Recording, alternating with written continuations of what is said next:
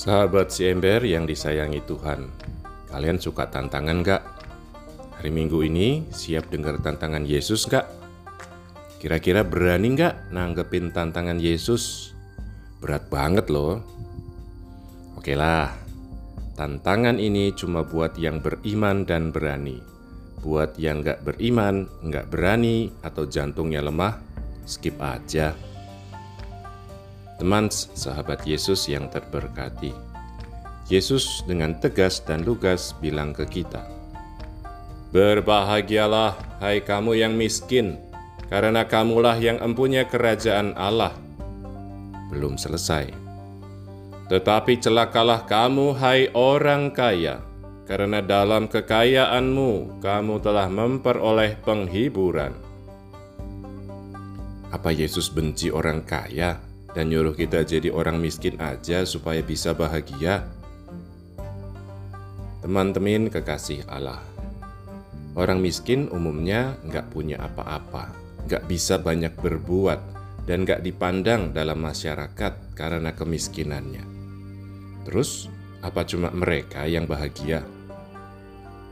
Sabda bahagia adalah semacam seruan ucapan selamat yang memberi kekuatan dan harapan kepada orang yang mengalaminya. Yesus menyebut mereka bahagia bukan karena kemiskinannya, melainkan karena merekalah yang memiliki kerajaan Allah. Kok bisa mereka jadi pemilik kerajaan Allah? Karena kerajaan itu dianugerahkan kepada mereka.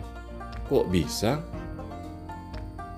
Orang yang gak punya apa-apa dan gak berdaya apa-apa, tapi beriman, umumnya dekat sama Tuhan. Bahkan ngandelin Tuhan aja dalam hidupnya. Mengandalkan Tuhan berarti ngelakuin apa yang Tuhan mau, bukan yang mereka pingin sendiri karena itu, Tuhan dekat sama mereka. Bahkan itu tadi menganugerahkan kerajaannya kepada mereka. Setiap orang yang ngelakuin kehendak Allah, ngejadiin Allah sebagai raja, itu berarti dia menghadirkan kerajaan Allah dan memasukkan dirinya ke dalam kerajaan itu.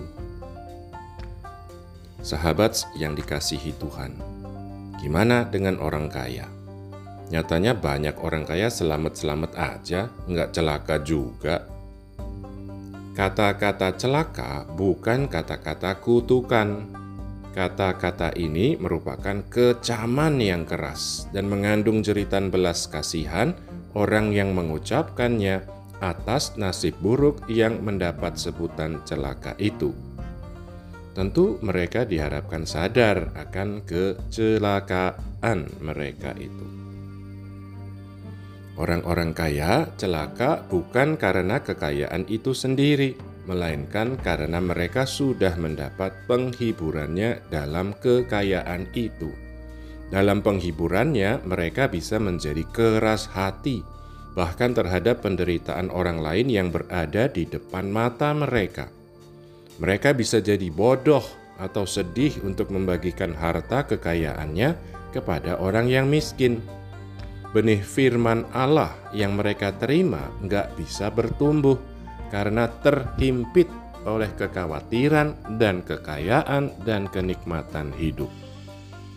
Orang kaya celaka karena telah mendapat penghiburan, tapi semuanya bersifat duniawi dan sementara saja serta menjadikan mereka orang bodoh. Sis and bros, murid-murid Kristus yang berbahagia. Udah nangkep belum maksudnya? Kalau belum, semoga kata-kata Yeremia di bacaan pertama bisa ngebantu. Saya kutipin aja semuanya. Terkutuklah orang yang mengandalkan manusia, yang mengandalkan kekuatannya sendiri, dan yang hatinya menjauh daripada Tuhan ia akan seperti semak bulus di padang belantara. Ia tidak akan mengalami datangnya keadaan baik. Ia akan tinggal di tanah angus di padang gurun, di negeri padang asin yang tidak berpenduduk. Diberkatilah orang yang mengandalkan Tuhan, yang menaruh harapannya pada Tuhan, ia akan seperti pohon yang ditanam di tepi air, yang merambatkan akar-akarnya ke tepi batang air, dan yang tidak mengalami datangnya panas terik, yang daunnya tetap hijau, yang tidak khawatir dalam tahun kering, dan yang tidak berhenti menghasilkan buah. Sahabat kekasih Allah, jadi gimana? Masih mau jadi orang kaya? Boleh, boleh-boleh aja. Tuhan juga nggak nyuruh kita jadi miskin. Tapi kalian harus mastiin kalian udah memenuhi syarat jadi orang kaya. Satu, bisa tetap ngandelin Tuhan dalam hidup kalian, bukan kekayaan. Dua, nggak lekat sama kekayaan, terus jadi serakah dan bodoh alias bego. 3. Selalu murah hati dan mau berbagi dengan yang miskin, menderita, atau membutuhkan bantuan. Sahabat si ember yang disayangi Tuhan, yuk cari dulu kerajaan Allah, baru mikir soal harta dan kekayaan.